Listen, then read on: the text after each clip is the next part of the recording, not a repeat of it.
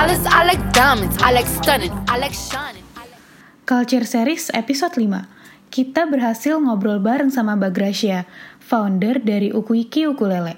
Berasal dari melukis di ukulele dan diperjualbelikan, sampai akhirnya Bagracia membuat komunitas ukulele ini dan sekarang sudah hampir 300 orang loh yang mendaftar menjadi anggota. Yuk kita dengar obrolan lebih lengkapnya.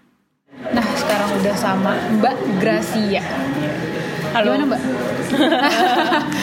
Uku Iki eh Uku Iki ukulele ya? Ya. Nah, gimana? Kenapa namanya Uku Iki ukulele? Gimana tuh historical namanya? Kenapa bisa? Itu sih eh, muncul begitu aja ya, dapat ide. Apa sih nama yang bisa diingat orang? Gampang ya. Orang kan kadang-kadang bikin brand tuh susah banget panjang gitu. Yang gampang diingat terus ada artinya ukulele itu kan sering disingkat jadi uku atau uke. Oh iya. Ya kan? Uku.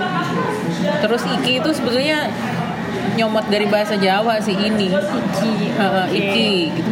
Jadi sebetulnya artinya itu ini ukulele. Ini ukulele Iya. artinya. Wah. Tapi kan gampang diingat uku iki, udah orang udah ingat aja gitu. Sejak kapan uh, uh, Mbak Gracia dan timnya buat tim buat membangun si Uku Iki? Ini udah jalan mau jalan tahun ketiga ya. Oh tahun ketiga, oh udah lama juga ya. Iya. Pertama tuh gara-garanya lukis ukulele. Jadi awalnya ngelukis dulu ya, Iya. baru bikin komunitas. Iya, jadi komunitas itu justru kal- kalau ibaratnya complementary apa datang belakangan gitu. Oh iya. Yang pertama launch itu ukulele lukis, yang pertama di interview sama media, dapat exposure dari media, dapat respon baik itu justru ukulele lukisnya karena unik. Belum ada yang bikin waktu itu. Mungkin ada tapi nggak banyak, nggak Nggak benar-benar dibikin ya nggak dibikin bisnis seperti ini ya.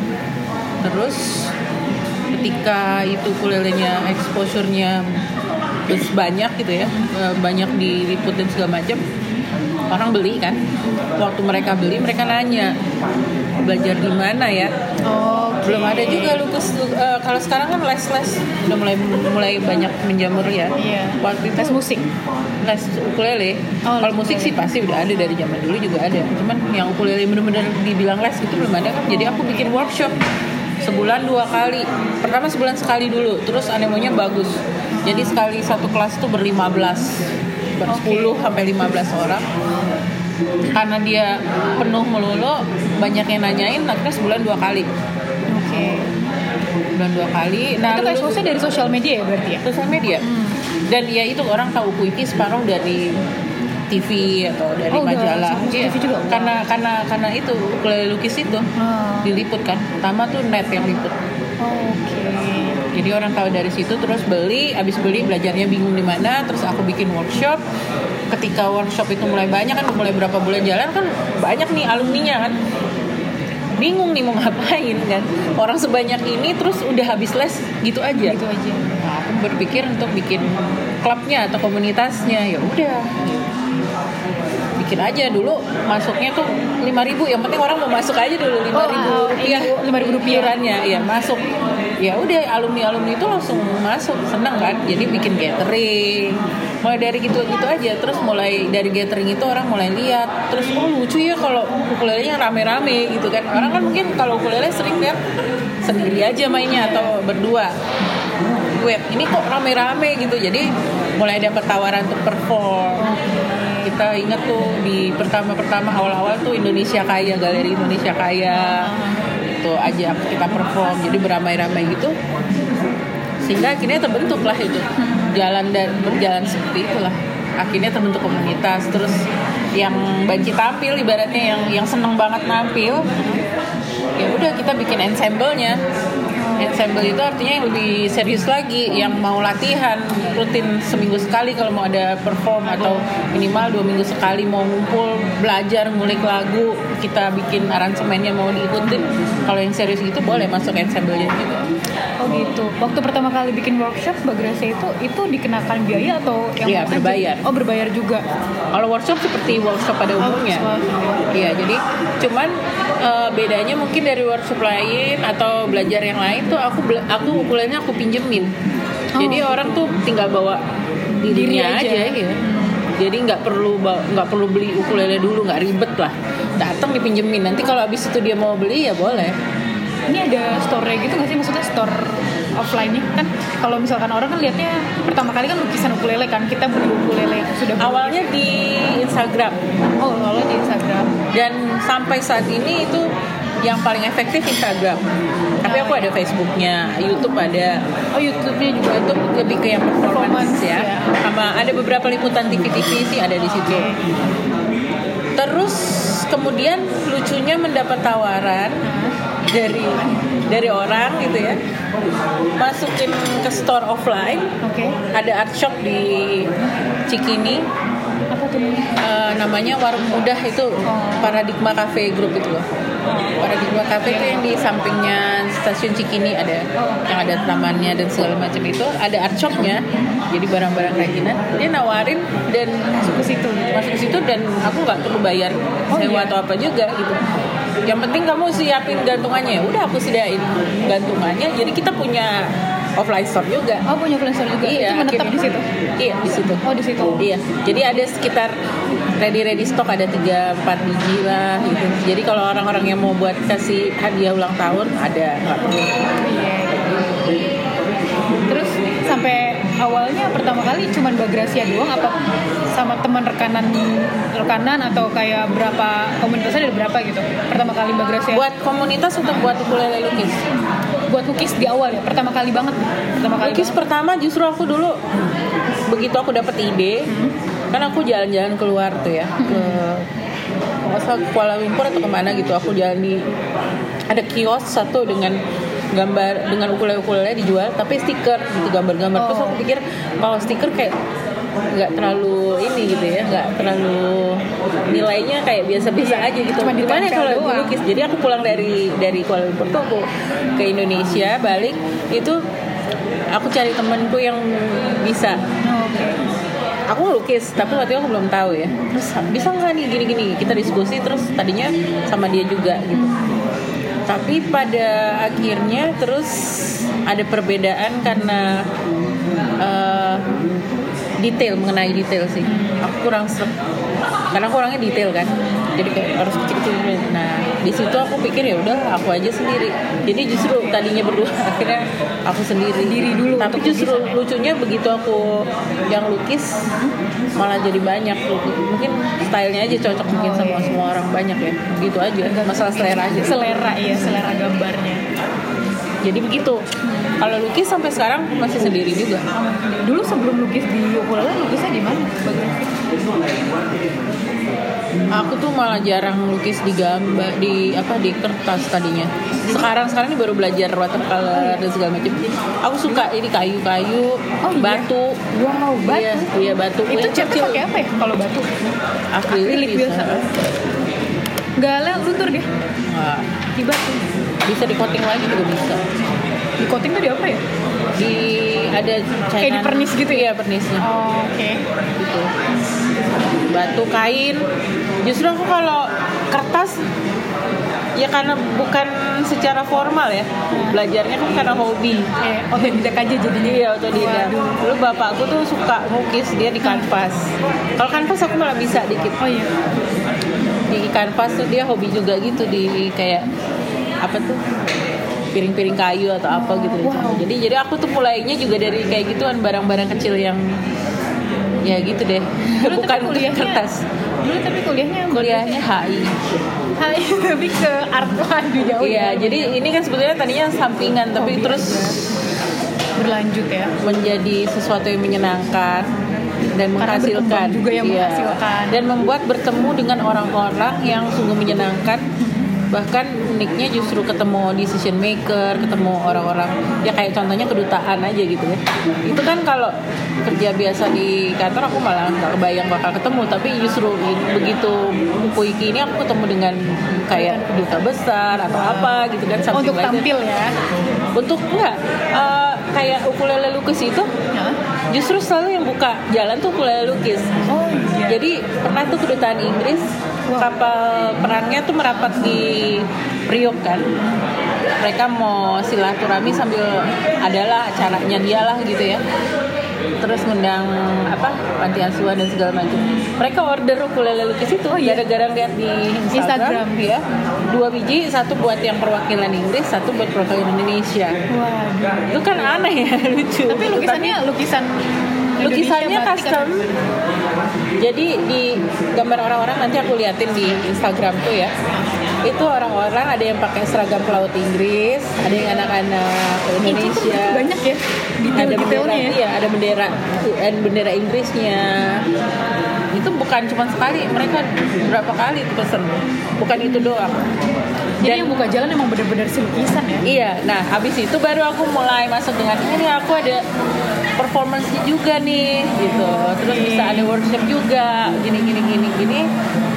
Oh ya boleh coba deh gitu sekaligus sekaligus pesan ukulele buat acara ini sekaligus tampil seperti itu.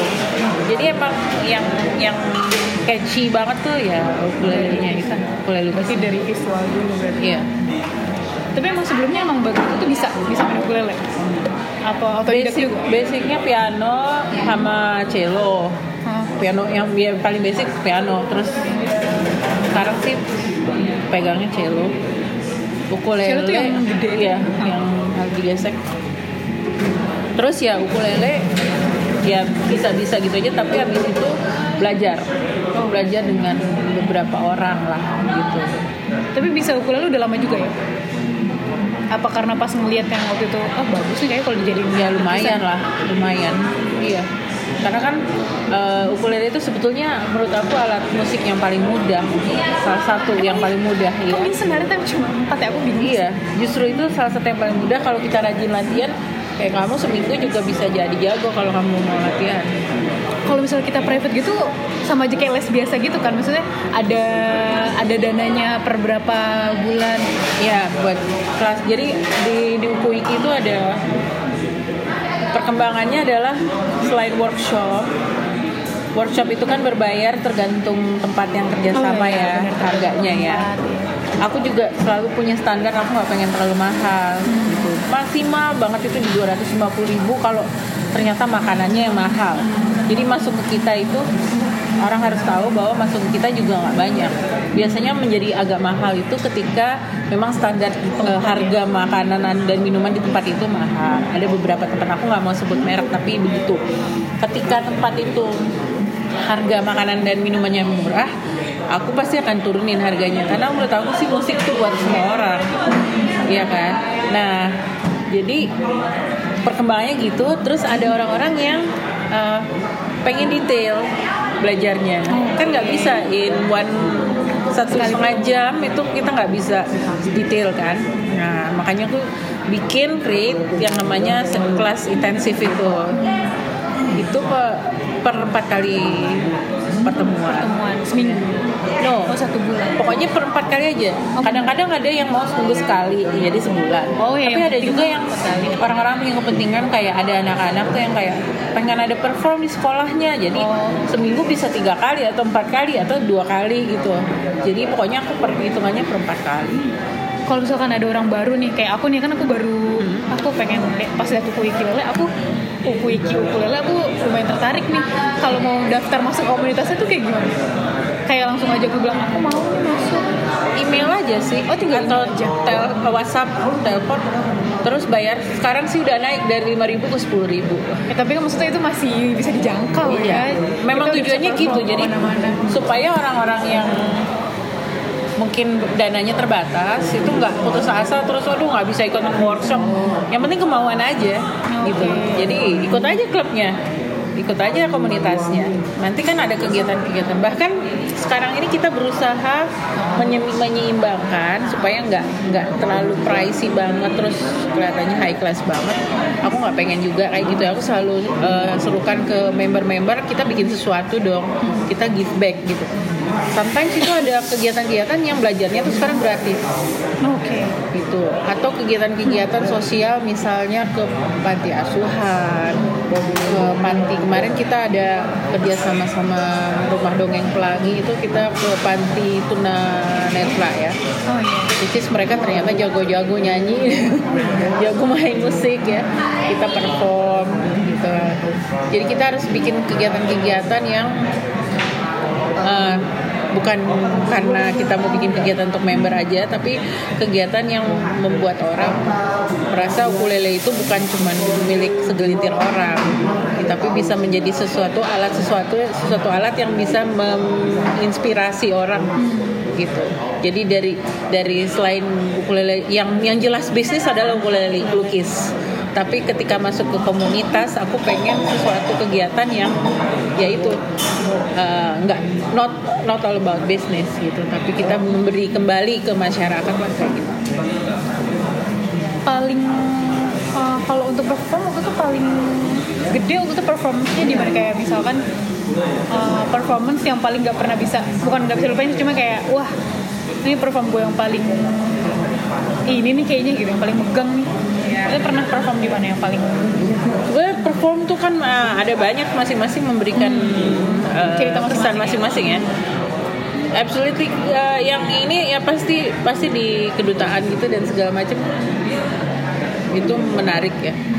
Atau di Indonesia Kaya itu juga menarik. Pokoknya semua yang berbau-bau dengan kebudayaan berhubungan dengan uh, kita share budaya kita ke orang lain itu aku selalu anggap itu tertarik cuman baru-baru ini ada di satu festival festival orkestra. Kita nekat nih sebetulnya. Jadi aku tuh festival ensemble dan orkestra ya. Aku iseng daftar. Udah kebayang sih pengennya kayak gini-gini tapi nggak nyangka juga. Itu kan ada kayak apa tuh seleksinya tuh apa namanya? Audisi, audisi. gitu ya? Ternyata masuk kan modal nekat akhirnya Hah, masuk gitu. Ya udah itu konsepnya agak gila karena kita bertiga puluh. Oh banyak. tiga puluh tuh ada yang jadi ada stringnya. Tapi itu ukulele semua? Apa? no ada string ada ukulelenya banyak juga. Ukulele 12 gitu ya. Kita aransemen suaranya uh, ukulele nggak semuanya ngejreng. Ada yang ngambil melodinya dan segala macam lalu ada string sectionnya ada violin viola cello ada bass gitar uh, perkusi ada semua. Sambil nyanyi main oh, ada, juga. ada kore ada koreonya sedikit. Itu menurut aku agak gila sih gitu ya. Kaget sendiri gitu. Bisa juga berhasil gitu. Tapi sebetulnya kan challenge challenge yang kayak gitu yang membuat kita jadi hidup gitu kan. Gitu. Ternyata berhasil terus kayak wah gila. Apalagi nih yang kita mau bikin selanjutnya gitu. Jadi semua orang excited dengan hasilnya sih. Kalau pas kita nanti masuk ke komunitasnya kita uh, belajarnya itu belajar lukisnya atau belajar musiknya juga? Kalau komunitas pasti musik. Oh musik. Tapi kita juga diajarin lukisnya juga nggak jujur nggak oh enggak karena uh, lukis itu bukan main course-nya komunitas ya. Emang komunitasnya masih bermain ukulele. Oh, untuk uh, komunitasnya untuk uh, ukulele aja gitu. Bermain, ya, bermain, ya, bermain ukulele. Jujur nggak? Kirain. Karena menurut aku sih gini ya, sekarang tuh banyak banget workshop workshop lukis ya workshop dan itu tuh menurut aku semuanya banyak banget ya lukis ini lukis itu. Semua orang bisa sih lukis gitu. Masa berani apa nggak aja nyobain oh, di ukulele iya. gitu kan. Iya nggak jadi kalau misalnya uh, belajarnya ini ya belajar main musiknya aja ya. Bermain musik dan nyanyi dan perform. Tapi ada nggak pernah yang minta aku mau belajar lukis aja dulu ya kalau dia mau belajar lukis pernah ada. Tapi ya aku ajarin lukis ya oke. Tapi kan kalau untuk teknik ke finishingnya itu loh. Itu kan memang butuh kayak bengkel banget gitu. Berapa lama biasanya kalau misalkan gambar satu satu ukulele kalau lagi mood sih sehari juga jadi. Oh iya ya tergantung iya, mood ya kalau gambar. iya. Kadang-kadang tuh kurang moodnya kalau ada yang masih sebetulnya kan ada jadwal ada daftar ngantrinya cuma ada yang ya namanya manusia. Suka ini nggak sabaran gitu ditanya-tanya dulu oh, moodnya langsung drop. jadi? Ya padahal dia belum. Moodnya langsung drop. Biasanya malah jadi lama. Oh iya. Oh, oh pernah bisa misalnya kayak eh aku punya ukulele aku mau eh uh, custom custom dong gitu. Emang justru esensi oh, dari ukuiki itu custom. Jadi kenapa nggak nggak banyak ready stocknya Ready Stock tuh aku akhirnya ciptain satu seri yang temanya yang aku sentuh, sentuhin sendiri yang Beautiful Indonesia itu temanya tuh daerah-daerah di Indonesia gitu ya. Kayak Bali ada penari Balinya gitu kan. Ada Jogja ada becak ada Borobudurnya. Jakarta ada Monasnya kayak gitu gitu itu yang ready stock tapi uh, esensinya Ukuiki itu kan sebetulnya karena dia custom. Jadi makanya harus ngantri dan segala macam karena dia biasanya itu unik banget pengalamannya kayak ada yang ngasih foto anjingnya gitu atau anjing iya. sama kucingnya foto beneran foto gitu Oh jadi eh, dari foto hewan diaplikasiin gitu ke ya. gambar. Pernah juga ada orang yang dia sama pasangannya pergi ngeliat sunset. Foto sunsetnya dia kasih aku Oh, buat digambar. gambar. iya. Aduh. Lucu-lucu gitu. Ada juga yang eh, kolega kantornya mau pindah ke Paris atau ke mana gitu Oh kalau dikasih ya. hadiah. Nah itu dia maunya selain dilukis eh, semua koleganya nada tanganin kan itu kan repot ya karena kan harus di coating terakhirnya. Jadi ya, aku bilang nggak boleh tapi ongkos kirimnya ojek which is ojek ya. Kamu tanggung semua mau? Gitu. Oh, udah jadi aku lukis dulu. Kirim ojek ke dia satu kantor tanda tangan. Aduh ribet juga. balik lagi ke aku baru aku finishing. Oh buat di Gitu. itu ya kayak di permis ya biar biar. Iya, sama pasang-pasangnya kan. Gitu, jadi pengalamannya juga jadi unik-unik banget gara-gara ukulele lukis. Aku lukis ya pertama Iya. jadi awal dari lukis aja jadi baru berkembang ke workshop segala macam performance segala macam ya. pernah punya niat buat ini nggak eh apa udah punya kali Mbak Gracia apa namanya album Album Single. belum. oh belum Belum. tapi ada niatan nggak mau kayak buat wiki ukulele Mungkin nanti di di di depan boleh kayak gitu, tapi sekarang kayak lebih tanggung jawabnya ke supaya orang-orang yang tergabung di terutama yang di ensemble itu bisa bermain dengan baik dan bernyanyi, Hmm. bukan hanya bermain, tapi bernyanyi juga dengan baik. Makanya usahanya itu adalah bukan belajar main ukulele aja tapi nyanyinya juga dipoles Dilatih. performingnya juga dipoles untuk di panggung gimana nah yang lebih concern sih daripada album sih kita lebih concern ke kayak tampil acara-acara kebudayaan gitu sih. Oh, gitu. iya. Tapi kayak ada nggak sih kayak kayaknya misinya lebih ke situ. Apa? Tapi ada nggak punya niatan kayaknya boleh sih. Mau ada ada. Oh, ada. emang kepikir eh, album segala macam kepikir. Tapi kalaupun ada pun itu bukan langsung kayak komersial gitu sih lebih kayak bentuk dari karya kita aja gitu. Oh, oke. Lebih ke situ cenderungnya sih tapi kalau menurut Mbak Gracia ini eh yang ikut komunitas tuh kira-kira range umurnya berapa sih? Nah itu hebatnya. Jadi tadinya kan Ukuiki itu umum aja gitu. Sekarang karena makin banyak yang anak kecil juga jadi ada yang namanya Ukuiki Junior which is sudah diundang juga ke televisi. Oke. Nah, itu range-nya memang gede banget. Dari anak kecil ya, kelas 3, kelas 4 gitu sampai nenek-nenek. oh orang tua juga ada, iya. Itu ada gitu. Karena kan yang ikut di workshop itu kan kita nggak pernah bisa nggak pernah batasin umur ya Hmm. kalau jadi menurut Mbak Gracia banyak anak muda yang masih tertarik ya sama Oh justru banyak, justru banyak. Jadi uniknya tuh kalau profiling yang di Wiki itu banyak profesional muda justru. oh iya Iya. Dengan berbagai macam profesi ada yang guru, ada yang pegawai negeri, ada yang uh, pegawai pajak, ada yang dokter, ada yang IT, Wow. ada segala macam gitu ya. Dan mereka menemukan yang yang aku pengen bikin itu karena mungkin ada komunitas komunitas lain yang kayaknya kerjanya jalan-jalan mulu gitu. Oh ke pulau ini, ke ini, ke mana, ke mana gitu kan. Lah yang dibutuhin sebetulnya buat untuk Jakarta ya, justru adalah rumah gitu. Karena kalau buat traveling, they can do by themselves gitu. Bahkan mereka travelingnya udah canggih-canggih banget kan, ke luar negeri, ke mana, ke Indonesia juga yang ke Indonesia Timur.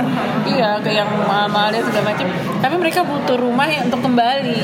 aduh ya Di mana ketika misalnya waktunya mepet nih, nggak bisa uh, vacation atau apa, mereka tetap merasa di rumah ketemu dengan teman-teman yang mereka sayangi dan bisa melakukan sesuatu yang menyenangkan, yang bikin happy gitu. Jadi buat aku sih lagi kan buat aku sih konsepnya komunitas suku itu seperti itu. Jadi bukannya kita nggak abisin untuk jalan-jalan atau segala macam tapi memang lebih ke situ gitu. Do something uh, dengan komunitas yang ada ini kita justru melakukan hal positif bikin happy dan kalau bisa do something for society melakukan sesuatu buat masyarakat gitu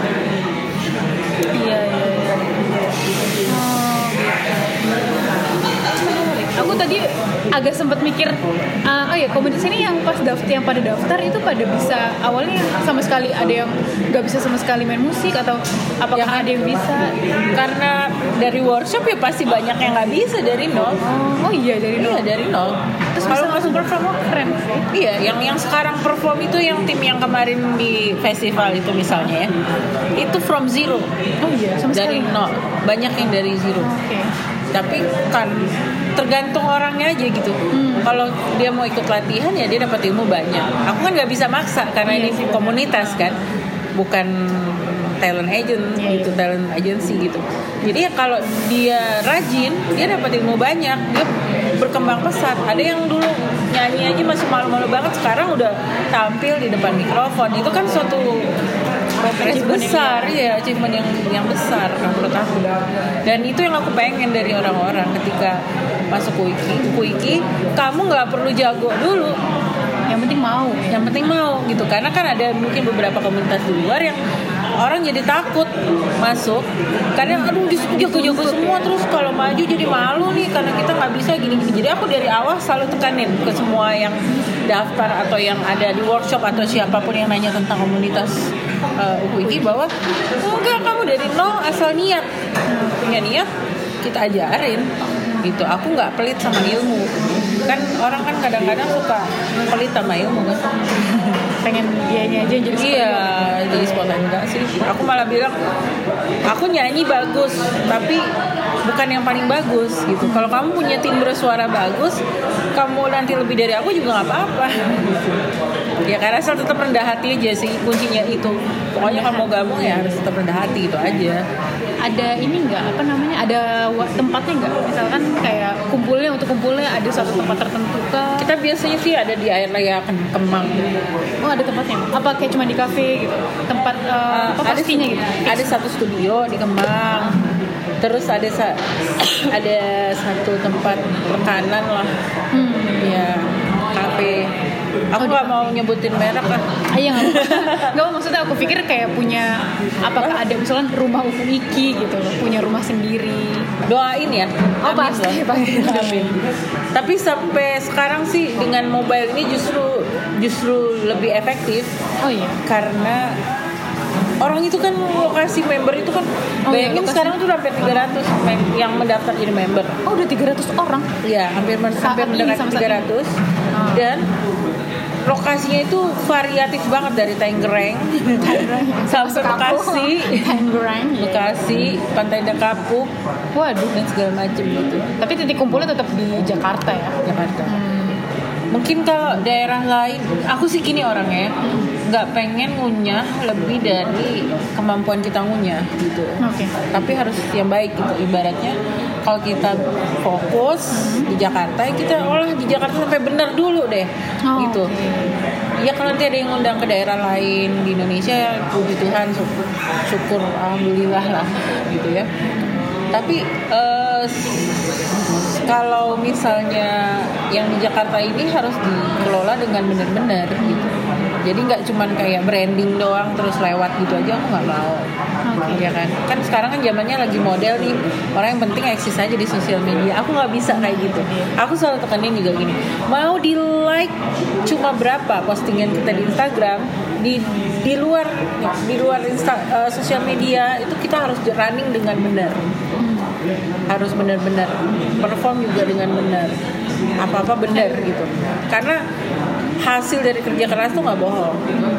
Dan ya benar kayak bukannya aku nggak peduli tentang uh, like eksistensi. Ya, aku selalu posting kegiatan dan segala macam dan berusaha jujur ya. Ada beberapa foto misalnya di Instagram itu yang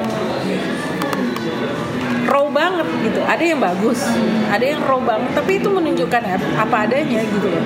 Artinya kegiatan apa adanya itu emang benar-benar terjadi itu dan kita ambil. Jadi nggak nggak di- dimanipulasi atau nggak ada acting dan Edit. harus ya edit dan everything. Nggak ya emang itu jadi. Dan lucunya kejujuran itulah yang kemudian disambut oleh Baik. orang banyak iya gitu lucu mereka ya orang kan zaman sekarang kan pinter nggak bisa dibohong-bohongin juga udah ta- apa apalagi masalah tentang sosial media ya Iya, nggak bisa, bisa, lihat gitu. sekecil apa pun. gitu. Ya. Ya, dan dan itu follower sampai 2000 sekian itu juga aku belum sampai kakak aku juga gak peduli sampai berapa ke atas gitu. Tapi yang 2000 sekian itu tuh real follower.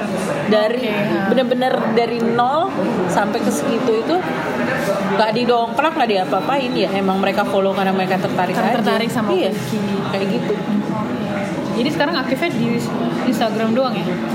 Facebook uh, selalu update. Kalau YouTube lebih ke kayak performance Oh, performance, ya. tiga itulah. Tapi emang kan sekarang kan zamannya eranya Instagram, Instagram. Wow. tapi ada website-nya nggak sih? Oku Wiki website belum. Oh website. Mungkin nanti ada. Tapi for a while sih sosial media cukup sih saat ini berarti masih di Jakarta aja ya?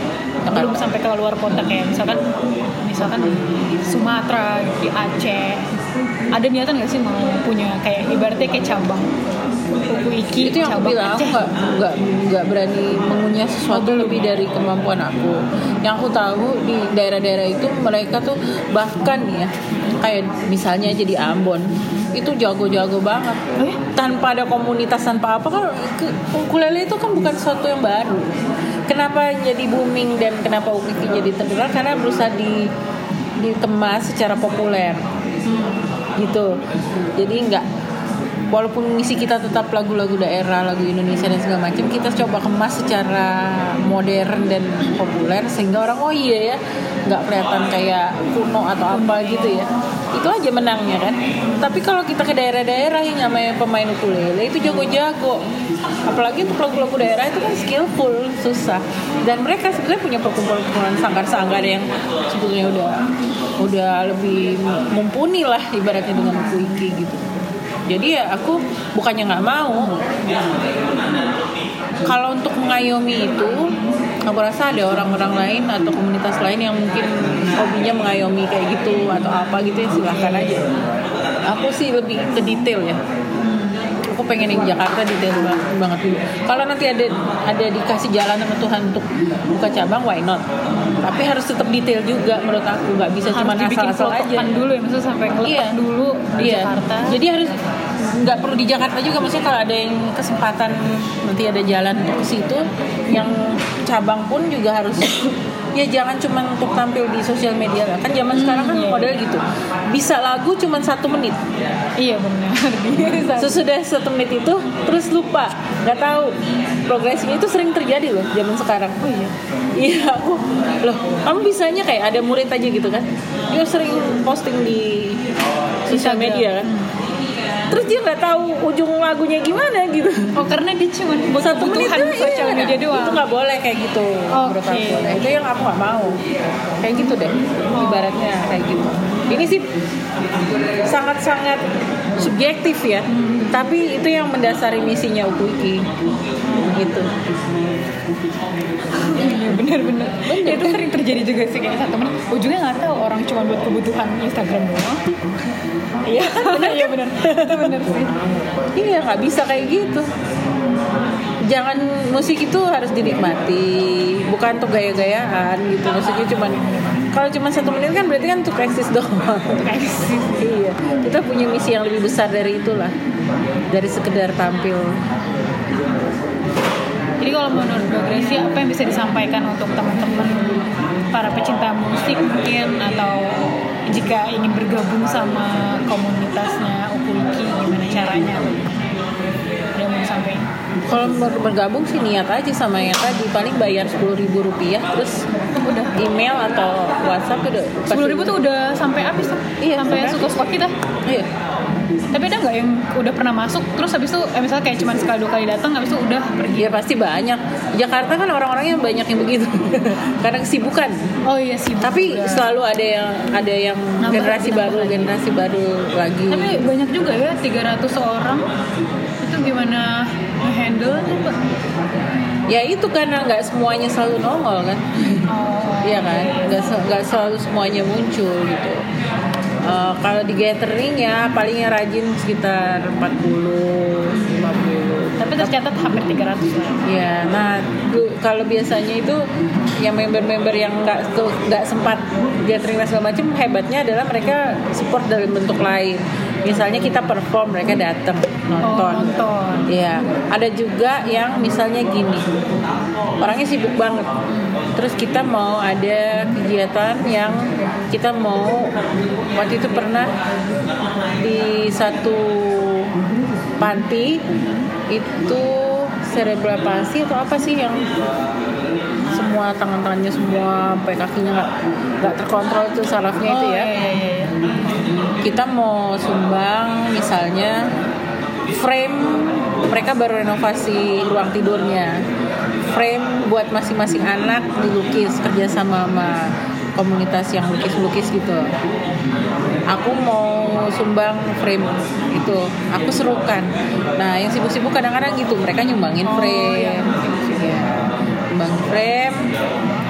Ya bisa bisa dalam bentuk apa pun gitu. Jadi kalau sibuk pun tetap ada kegiatan-kegiatan yang membuat uh, bisa terlibat gitu.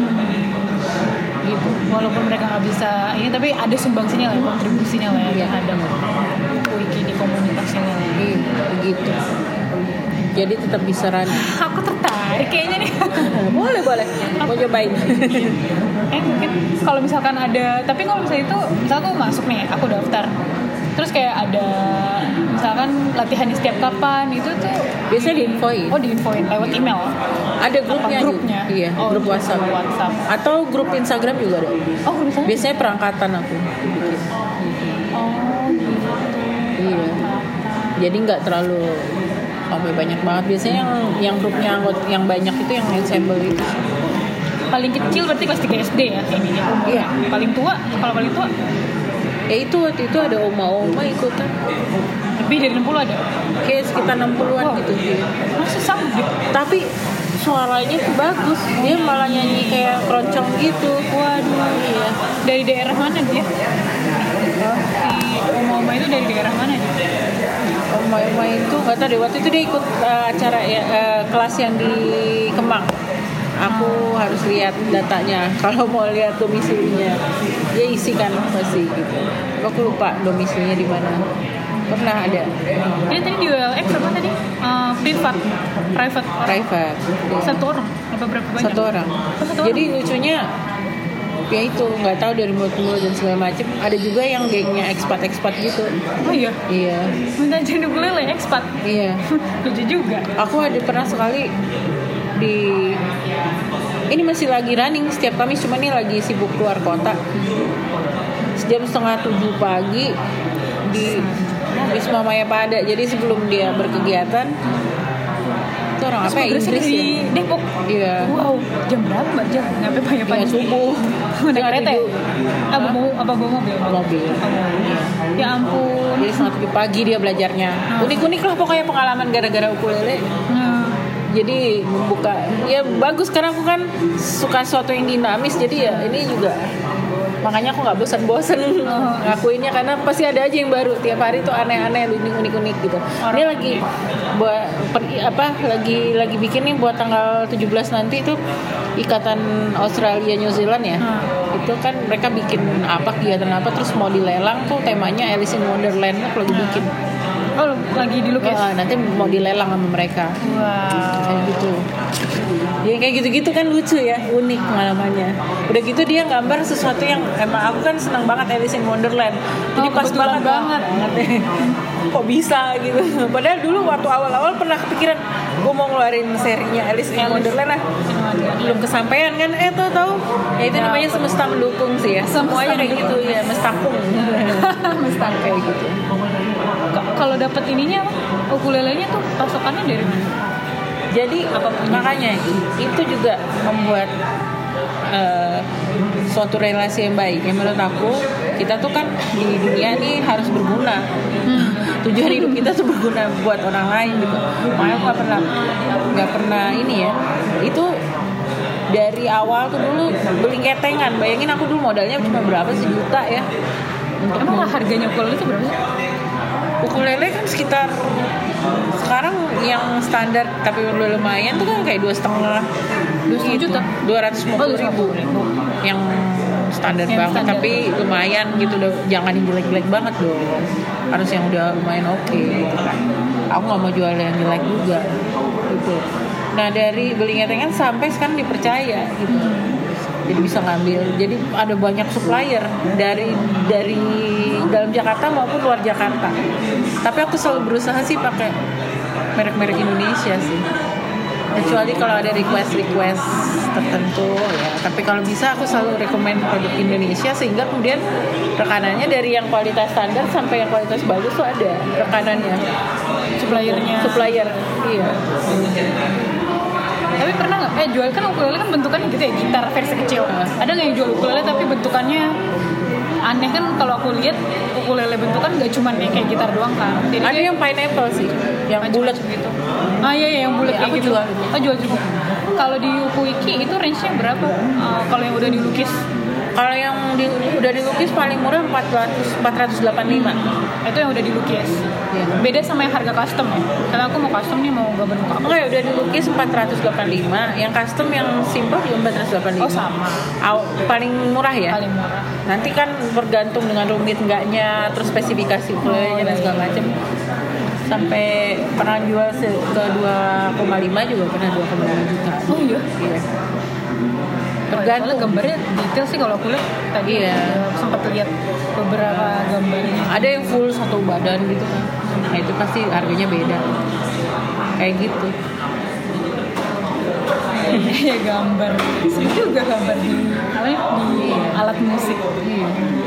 kenapa nggak gambar eh kenapa pernah nggak mau nyoba di cello sebesar itu Cuma cello kan mahal banget. Oh iya sih, iya sih. Pengen.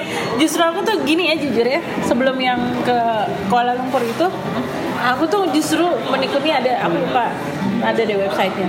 Itu pelukis asal Itali, peluk spesialis cello. oh iya Gitu. Ngelukis cello Iya spesialis cello. Itu aku cita-cita banget sebetulnya cuman gila pukul apa cello kan mahal banget iya sih ini kayak ada tantangan kemarin ditantangin temen aku aku mau nyoba sih di violin mungkin. Violin. Cello. Dan kalau cello kan orang juga eh nggak tahu sih sekarang eh, musik cello orang-orang pada tertarik atau enggak terus sekarang kan orang tuh lebih ke yang biola terus cello banyak. tertarik cuman eh, orang tuh suka karena dia besar. Kan iya iya karena dia gede. Iya makanya jar- jarang tapi tapi sebenarnya value pemain cello itu tinggi karena dia jarang dan susah. Jadi jadi uniknya semakin tua malah semakin dicari karena kelas gitu. Iya kelas. Masalah cello kelas ya. iya. gitu.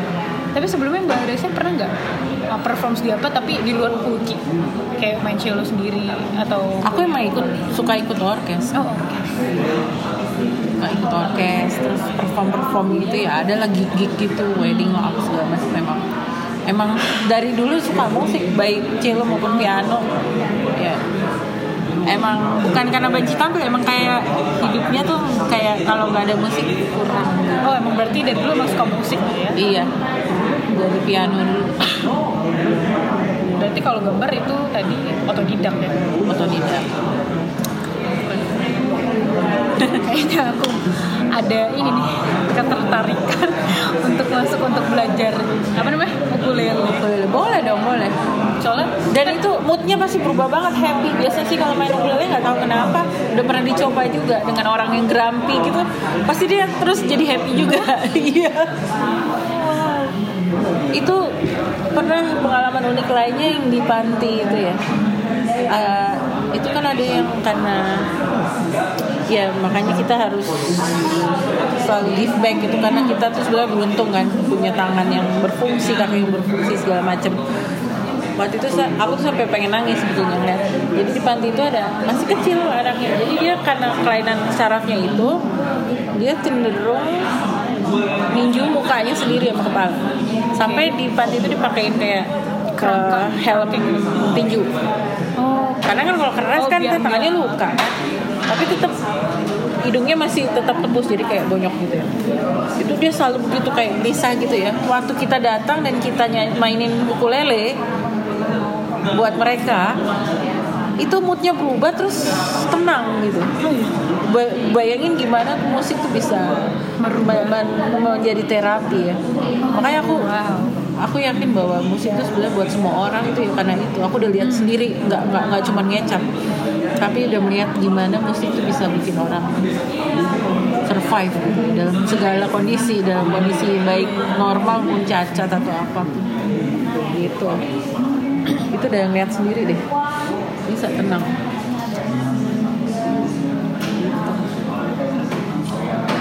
Gitu. Jadi awal dari lukisan ya? Aku pikir dari ini dulu dari Enggak. komunitas dulu. Enggak. Dari ukulele lukis. kita gambar sampai sekarang pun paling sering diundang di televisi atau diliputi majalah ukulele lukis gitu. ukulele lukisnya Iya. baru tahu baru tahu mereka tahu tentang Iya. komunitas musiknya ya dan menyenangkannya ya sekarang komunitasnya mulai dikenal ya kan mulai menurunkan. Cuman kan kalau komunitas kendalanya itu nggak ditanyain kendala ya? Oh iya.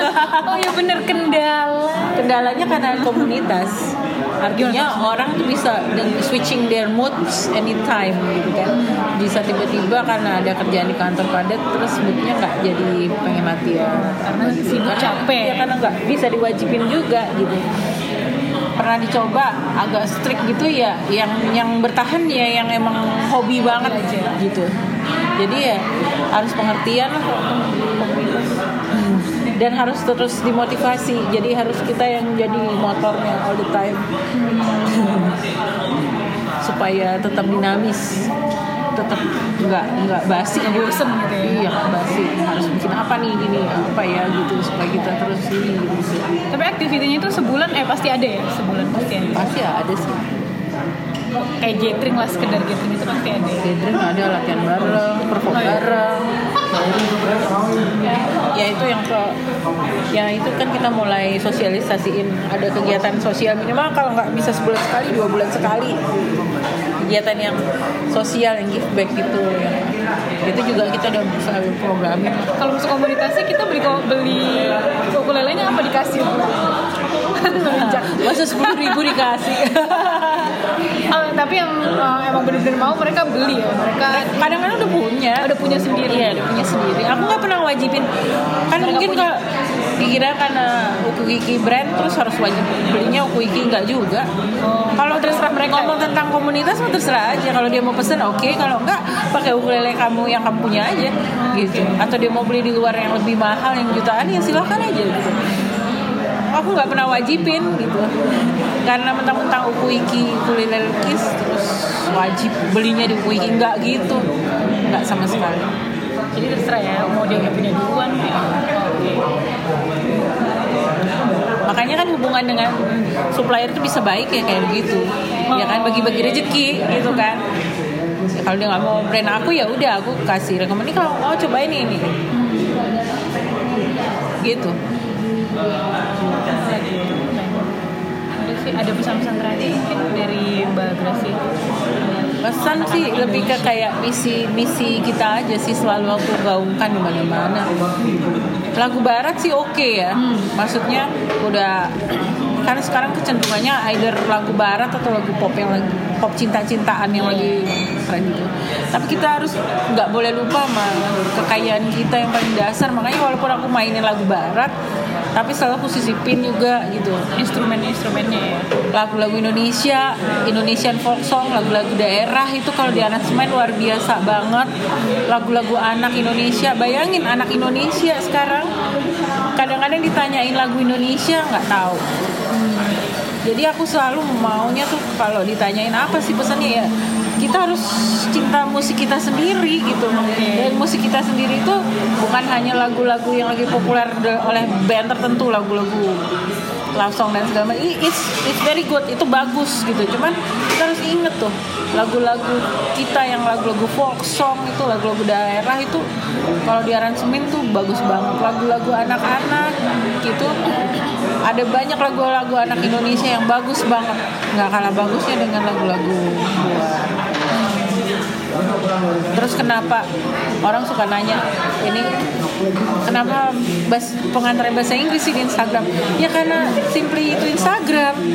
Kita kan tujuannya adalah mencapai sebanyak mungkin audiens yang mengerti ketika dia masuk ke sosial media karena kan kayak ukulele lukis ini aja akhirnya pembelinya nggak cuma dari Indonesia kan. Dari negara-negara lain banyak. Ya kalau kita pakai Indonesia ada sih translate di feature translate misalkan. Tapi kan nggak pure bisa langsung seperti bahasa mereka gitu. Kita pakai bahasa internasional lah. Bahasa internasional. Bukan sok-sok ke barat baratan enggak tapi kan dengan kayak gitu kan orang jadi lebih tahu kita gitu karena pengantarnya pakai bahasa internasional itu aja sih suka ditanyain makanya aku jelasin udah itu aja Oh gitu. Oke deh. Terima kasih ya Mbak Gracia atas Sama-sama. waktunya selama. Terima kasih loh. Iya.